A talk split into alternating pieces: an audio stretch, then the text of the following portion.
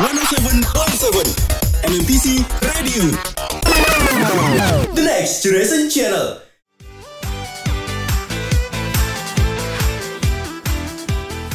Pengen update soal musik? Mau tahu hal yang unik di balik musisi favorit kamu? Atau haus akan informasi musik terkini?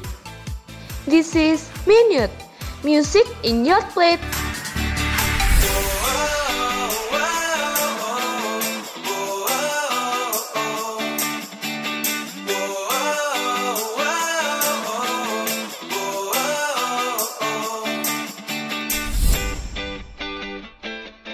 Hanya di MMTC Radio Jogja. 107.7 MMTC Radio. The Next Generation Channel. Kembali lagi di Minute Podcast. Serving music in your plate. Nggak kerasa udah episode kelima bareng sama Febri dan juga Syafa tentunya. Oh my god. Kita udah 5 episode ya berbincang-bincang seputar musik Iya nggak kerasa ya. And by the way Seperti biasanya juga Mungkin kalian udah bosen ya Kita nggak lupa-lupanya Untuk ngingetin kalian Untuk tetap terus Mantengin sosial media MMTC Radio. Di mana aja Chef? At MMTC Radio Jogja Buat Twitter dan Instagram. Ya dan jangan lupa juga untuk follow TikTok MMPC Radio di at official part karena di sana ada challenge challenge yang menarik. Dan pastinya juga dong jangan lupa untuk follow podcastnya MMTC Radio di Spotify at MMTC Radio Jogja. Yes, betul sekali. Tepatnya Mixtape Podcast. Apalagi Minute Podcast, langsung di searching ya episode-episodenya. Iya, bener banget. By the way, Chef, Mhm. nggak kerasa banget ya bentar lagi kita praktiknya udah mau offline. Oh iya, ih tahu nggak sih kemarin aku begitu dapat kabar ada survei offline. Wah, Seneng banget ya pasti ya. Kayak ngomong-ngomong nih teaser kita kan ada di kampus eh, multimedia yang mana sekarang tuh semua multimedia tuh udah berubah bertransformasi jadi digital. Terus nggak kalah juga dong industri musik juga ngalamin perubahan digital tentunya. betul sekali. Jadi ya seperti yang sudah kita bridging bridgingkan di awal ya, kita bakal ngebahas seputar industri musik. Bener banget. Kalau mungkin dulu nih produser dan label musik di era konvensional dulu jadi aktor paling dominan dan menentukan sekarang beringsut ke pinggiran. Kekuasaan mereka udah diambil alih oleh para pemilik platform digital. Ya, sekarang itu Iya ya, seiring berkembangnya zaman, jadi ya otomatis segala sesuatunya itu ikut berubah. Beda apa? Setiap masa ada orangnya, setiap orang ada masanya ya nggak sih? Bener banget. Lantas gimana nih nasib musisi yang sejatinya jadi jantung industri musik itu? Cuman pada akhirnya ada juga sih dampak positif dari perkembangan digital dalam dunia musik ini. Ya, ada negatifnya, ada positifnya, ada buruk baiknya. Jadi mari kita bahas. Langsung kita kulik-kulik nih. Oke, yang pertama kita akan ngebahas lebih dalam dulu tentang layanan musik streaming ya. Karena kan kalau ngebahas tentang digital berarti kita juga harus ngebahas yang sangat terikat dengan dia yaitu si streaming ini ya. Mhm. Seiring dengan maraknya pembajakan dan perkembangan teknologi, sekarang nih label rekaman dan konsumen juga udah mulai mengadopsi layanan siaran secara langsung atau live ya buat streaming eh, untuk ngerekam dan nikmatin musik loh. Iya, kalau dulu itu kita lebih apa ya? Sering dengerin musik itu di kalau aku di warnet, aku nggak pernah ke warnet sih. Tapi rata-rata itu saudara-saudara aku yang ke warnet sering kopi-kopi lagu gitu. Kayak secara apa ya? Manual. Kita dengerin musik secara manual. Tapi sekarang udah ada streaming, kita bisa dengerin online apa segala macem. Bener Langsung banget. searching-searching di website gitu kan. Ada Iya. aplikasinya juga. Bener, karena emang sebenarnya kalau layanan musik streaming ini eh, lebih apa ya? Lebih unggul dari layanan musik lainnya karena kan kalau streaming ya kita paling bayarnya tuh per tahun atau per bulan gitu kan Chef. Kita udah Hmm. bisa akses nikmatin lagu sepuasnya 24 jam. Sedangkan kalau misalkan di platform-platform lain tuh eh, ya udah kita kayak beli lagu satu lagu tuh dengan harga tertentu gitu loh yang mana kayak kalau diakumulasiin kayaknya lebih menguntungkan kita berangganan di layanan musik streaming. Ya, ini juga ada data ya dari International Federation of the Phonographic Industry atau ya bahasa Indonya IFPI ya dan Iya. WEF itu layanan streaming musik itu mampu meraup se apa 8,9 miliar US dollar atau kalau dirupiahin itu setara dengan 125,5 triliun rupiah. Wow. Bener banget. Ngomong-ngomong, layanan musik ini berkontribusi 47% terhadap total pendapatan industri secara global nih, Syaf. Iya dari 2013 ya. Udah udah berapa tahun dan ini 2021. Eh, ini udah tahun berapa sih astaga? Astagfirullahaladzim, 2021 ya 9 2021. tahun ya, udah cukup lama sih, udah mau ya. Mhm. satu dekade. Betul sekali. Terus ini ada McKinsey dan Company yang memproyeksi, memproyeksikan agak belibet ya, mohon maaf teaser. Pengguna layanan streaming musik di Asia itu mencapai 87 juta di tahun 2020, tahun lalu. Ya bener banget, tingkatnya nih hampir dua kali lipat dari 2015 yang sebanyak 47 juta orang. Dan by the Dan- way, for your information aja, pengguna layanan streaming musik sih emang kebanyakan ya usia remaja ya. Ya, kayak kita kita. Kita mencari hal-hal yang baru, yang serba modern, lebih efisien.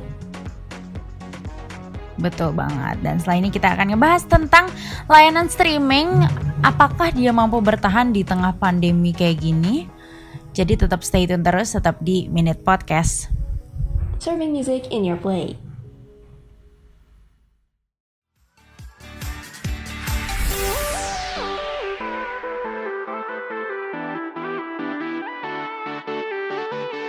This is Minute Music in your plate.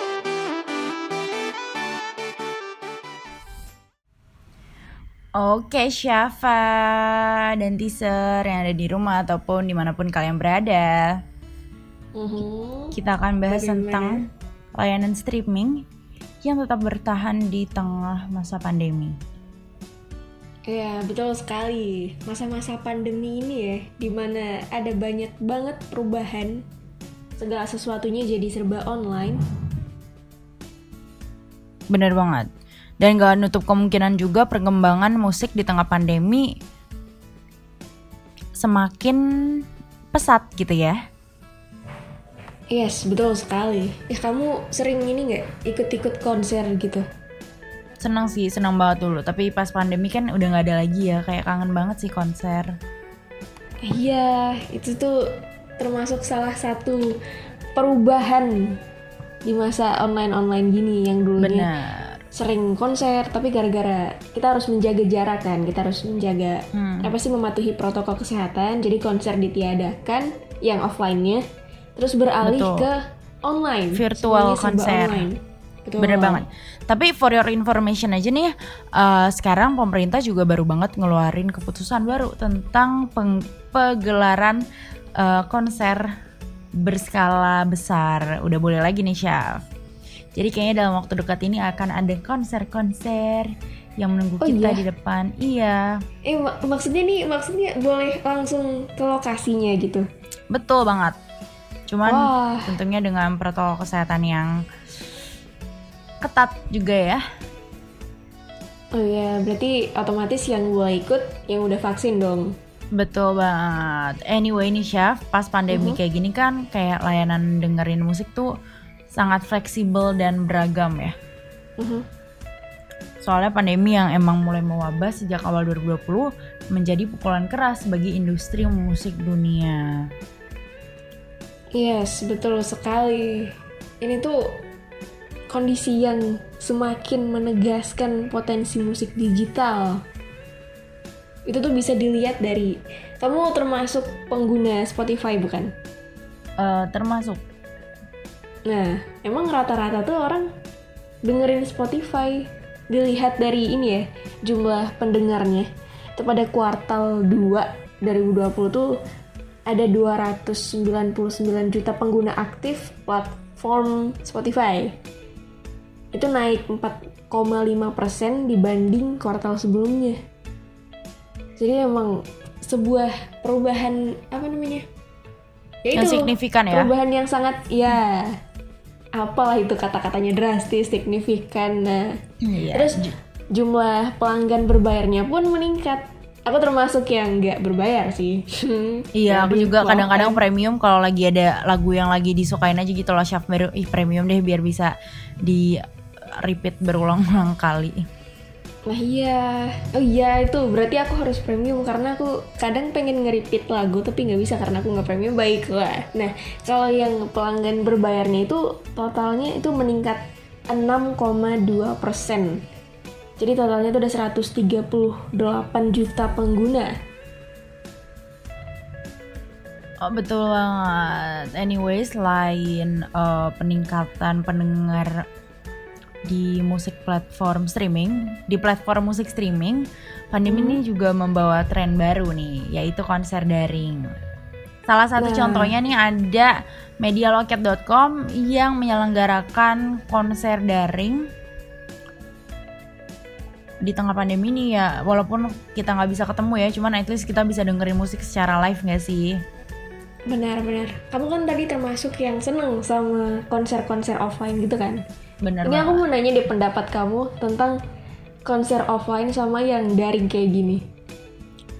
Ya, walaupun vibesnya pasti beda ya, jelas ya kalau misalkan langsung kan atmosfer aja tuh kayak sangat apa ya mempengaruhi mood kita dalam mendengarkan lagu gitu. Cuman least kalau misalkan kita ngefans banget sama band atau penyanyi ya, kita bisa nonton konser online aja tuh udah seneng banget. Apalagi beberapa waktu yang lalu tuh Nadine Amizah sempat ngadain konser online dan itu tiketnya ludes. Padahal Wow. online ya. Iya, mungkin emang vibesnya beda kali ya. Kalau dengerin lagu di um, musik streaming atau dengerin penyanyinya ngebawain secara live.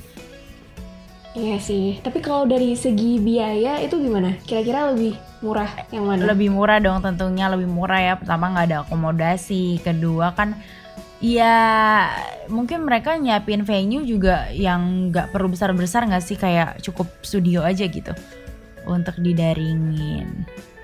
Iya sih. Berarti emang ini konser daring ini sangat mem- apa memiliki peluang yang lebih besar menarik audiens ya daripada yang offline. Bener banget. Dan semoga aja kami berharap diharapkan nih si konser online ini tetap bisa terus berkembang, berjalan terus ya kayak ya siapa tahu di upgrade ada um, ada inian baru apa ya? Inovasi? baru Iya mungkin? inovasi baru mungkin betul banget. Iya kan tapi emang kalau misalnya nih offline itu rame eh, apa orang-orang yang datang nonton konser gitu kan. Terus yang online ini kalau misalnya yang offline dipaduin sama online gimana kayak hybrid gitu. Itu punya peluang yang lebih besar lagi nggak sih buat ini narik audiens? Bener banget. Jadi semoga kita berharap ya semakin apa ya banyak inovasi-inovasi baru ya untuk menarik audiens pendengar. Ya semangat ini para musisi-musisi. Dan next kita akan ngebahas tentang dampak negatifnya ya dari digitalisasi industri musik ini, yaitu berkurangnya minat terhadap lagu anak-anak.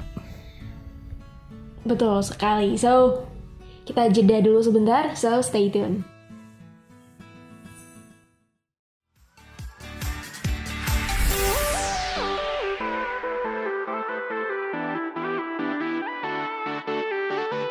This is Minute Music in your plate.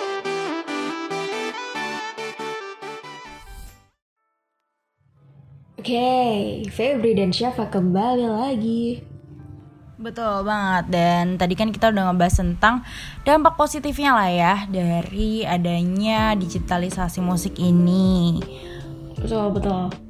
Nah, sekarang kita beralih ke dampak negatif. Kira-kira apa tuh dampak negatifnya? Yang pasti ya karena sekarang kan ya makin banyak musisi gitu ya. Bahkan sekarang platform digital tuh udah berkembang dengan pesat anak-anak kecil juga udah mulai masuk ke TikTok nggak sih Syaf? Dengerin lagu-lagu zaman sekarang dari situ.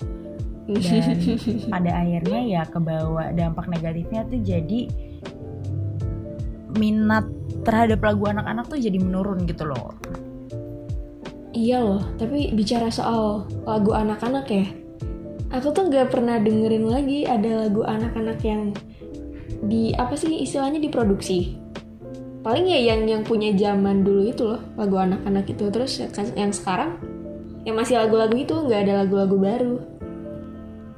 bener banget kayak masih bahkan anak-anak zaman sekarang aja ya nyobainnya Mhm. masih kayak lagu zaman dulu gitu loh Iya, tapi bahkan lagu zaman dulu itu pun udah mulai jarang diputar paling kayak ini. Di apa sih namanya itu odong-odong. Apa sih namanya? Yang sore-sore itu loh. Iya iya bener-bener. lagi- odong-odong. Iya kan? Iya sambil disuapin sama emaknya gitu kan. Terus naik itu diputerin lagu anak-anak. Tapi kadang ada juga malah lagu-lagu TikTok yang diputerin. Udah nggak ada lagi tuh lagu anak-anak. Sekarang tuh bener kayak gitu deh. Eh, saat ini musik anak-anak didominasi sama musik viral sih dari TikTok. Ya itu deh teaser sedihnya. Dan setelah itu ada ada dampak negatif lainnya Syaf yaitu hak atas kekayaan intelektual yang belum diperhatikan. Yes, yes, berbicara soal hak ya atas kekayaan intelektual ini sangat apa ya prihatin ya. Sering Bener banget karya karya-karya orang itu karya musisi bahkan bukan cuma musisi ya mungkin kayak karya-karya seni dan lain segala macam itu tuh langsung dipakai aja seenaknya gitu sama orang-orang kayak nggak ada apa istilahnya nggak ada kreditnya Bener banget. Terus kan kayak masalah hak ini kan sangat erat hubungannya dengan royalti ya. Terus kayak Mhm. sampai sekarang aja tuh belum ada undang-undang yang jelas uh, tentang royalti ini. Walaupun beberapa saat yang lalu sempat geger tuh ya tentang kayak mau masang lagu di radio aja bahkan harus bayar. Cuman kayak nggak ada uh, ketentuan yang jelas sampai sekarang. Yes, nggak ada apa ya istilahnya prosedur yang khusus ya. Kadang diputerin di TV, diputerin di radio, terus belum tentu dibayar. Kayak Bener udah langsung banget. langsung dipakai aja gitu musiknya. Ya benar banget chef. Dan yang terakhir nih dampak negatif satu lagi adalah nggak satu lagi sih masih ada banyak ya sebenarnya. Cuma salah satu dampak negatifnya adalah bisnis musik era disruptif. Yang mana era jualan album fisik ini udah nggak bukan masanya lagi gitu loh. Sekarang kayak ya udah musikus harus lebih kreatif dengan mungkin dengan menyuguhkan uh, artwork yang lebih menarik gitu ya di album-album platform digitalnya karena sekarang udah peminat album fisik tuh udah jarang banget sih. Iya. Paling yang aku masih sering denger beli-beli album itu tuh ini ya K-pop K-pop fans. Fans, ya, yang beli-beli album biasnya. Tapi rata-rata emang langsung ini sih dengerin di platform digital gitu. Udah jarang yang beli. Malah sekarang tuh yang lebih ngetren, yang lebih viral tuh yang sering nge-cover lagu orang. Bener banget. By the way, uh, salah satu musisi Indo nih yang terkenal banget sih si Cici Danila. Dia ngelihat era ini tuh era apa ya? Era yang beda gitu ya. Karena menurut si Cici orang-orang tuh ya kalau misalkan suka sama musiknya baru beli album fisiknya gitu loh. Kayak dia ngefans dulu sama bandnya baru dia beli peretelannya gitu lah. Kayak eh, goodiesnya kayak apa sih namanya kalau misalkan itu chef? Merchandise. iya merchandise-nya album Hmm. fisiknya eh, vinilnya gitu Iya sih, dan aku kayak termasuk yang gitu. Karena kayak misalnya nih, buat dengerin playlistnya gitu di Spotify ya. Itu kalau misalnya aku belum tertarik sama musisinya tuh nggak akan aku dengerin. Apalagi beli ini, album.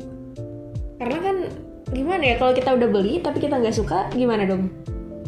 Bener banget dan menurut Danila juga sekarang pendengar tuh udah nggak mudah menerima apa yang mereka dapatkan.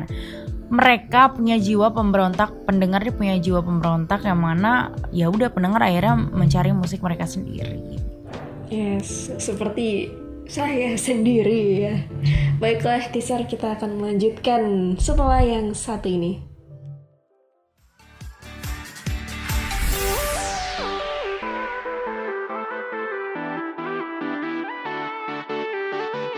This is Minute, music in your plate.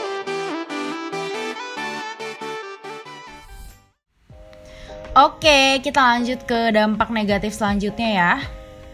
Yes, betul sekali. Jadi di dampak negatif selanjutnya itu masih seputar musik ya. Ini tuh sekarang tuh lagi marak-maraknya pembajakan musik. Bener banget, karena masih masih ada aja aplikasi website ilegal yang nyediain musik bajakan. Bener, karena tadi kan kayak ini ngebahas soal yang apa kata Cidanila tadi ya orang-orang itu Iya, bener. suka dulu sama lagu itu baru dibeli atau dibeli albumnya atau apa segala macamnya merchandise segala macam. Nah kalau misalnya belum kebeli kan otomatis pasti dengerin lagunya dari ini Eh, apa sih website-website ilegal gitu. Bener banget. Padahal ya, Syaf, sekarang Asosiasi Industri Rekaman Indonesia tuh udah kerjasama loh sama berbagai pihak, termasuk pemerintah demi memberantas pembajakan lagu. Wah berarti ini masih proses ya proses di take down. Soalnya masih rame banget banyak banget aku masih sering nemuin website ilegal. Benar, walaupun demikian juga, tapi Mhm. Eh, kita tidak menampik ya kalau era digital nih semakin dinamis, memberikan banyak kemudi kemudahan baik bagi musisi, label musik, serta penggemarnya. Anyway aja nih kayak sekarang eh, musis musisi-musisi in indie tuh udah bisa ngejual lagunya sendiri gitu loh, ngupload lagunya sendiri lewat Spotify gitu. Oh, ih, tapi aku kepo deh kalau di Spotify itu berarti gimana tuh dibayar? Kita ngupload lagu ke Spotify terus dibayar gitu kita kitanya. bayar dulu kita bayar dulu untuk naruh tempat gitulah. Terus nanti kayak kalau misalkan hmm, emang banyak mendengarnya tergantung streamernya tuh ya udah kita akan dibayar cuman emang itu sih minusnya eh, digitalisasi musik dan khususnya musik streaming ya. Platform musik streaming tuh nggak nggak besar uangnya Syaf. Kayak ya udahlah eh, yang penting bisa promotin lagunya gitu Iya sih. Yang penting viral dulu deh. Banyakin Bener. fans. Karena kalau apa semakin banyak fans ya semakin banyak yang ngedukung gitu apa pun yang dilakuin sama si musisi ini. bener banget oke Oke. Selain Lanjut. itu juga ada beberapa hal yang berubah di dunia musik nih, Syaf. Misalnya RBT, Wah. RBT yang udah nggak dipakai lagi tuh si tone.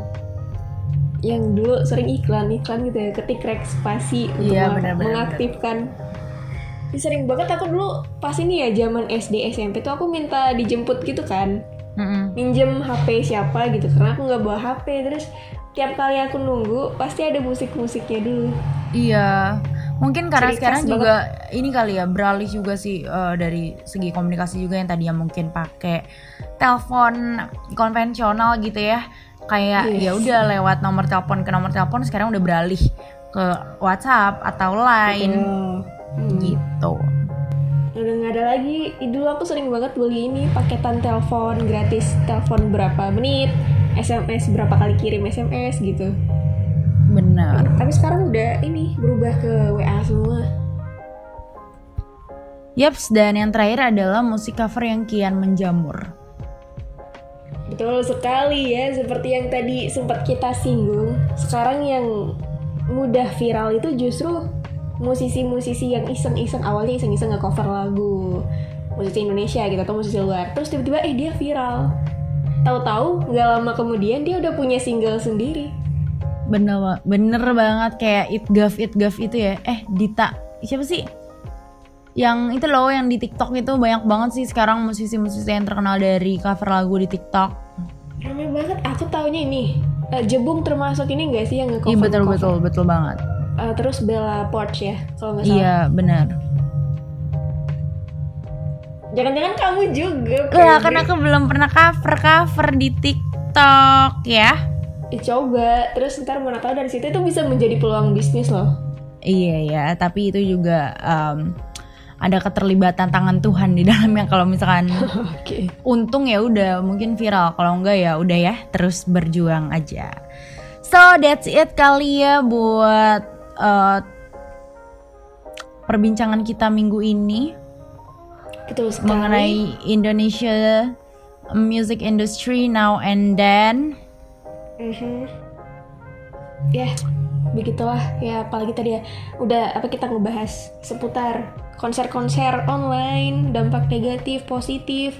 Kalau kamu penasaran banget nanti konser apa yang yang dibuka untuk apa yang dibawain offline gitu, langsung Iya. segeralah vaksin.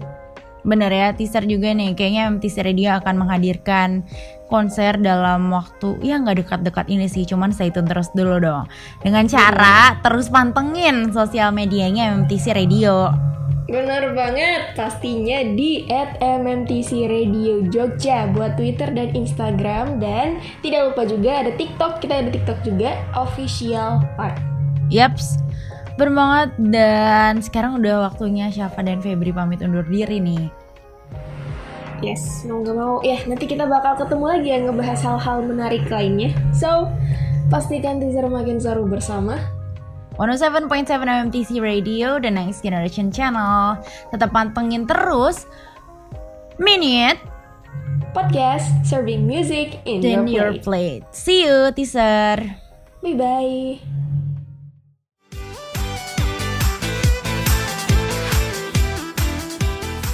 Pengen update soal musik?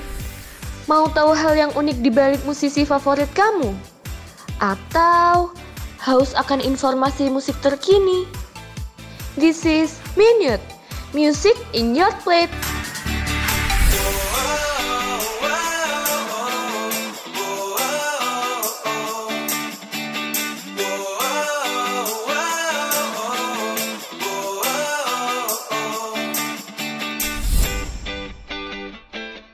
Hanya di MMTC Radio Jogja. 107.7 MMPC Radio The Next Generation Channel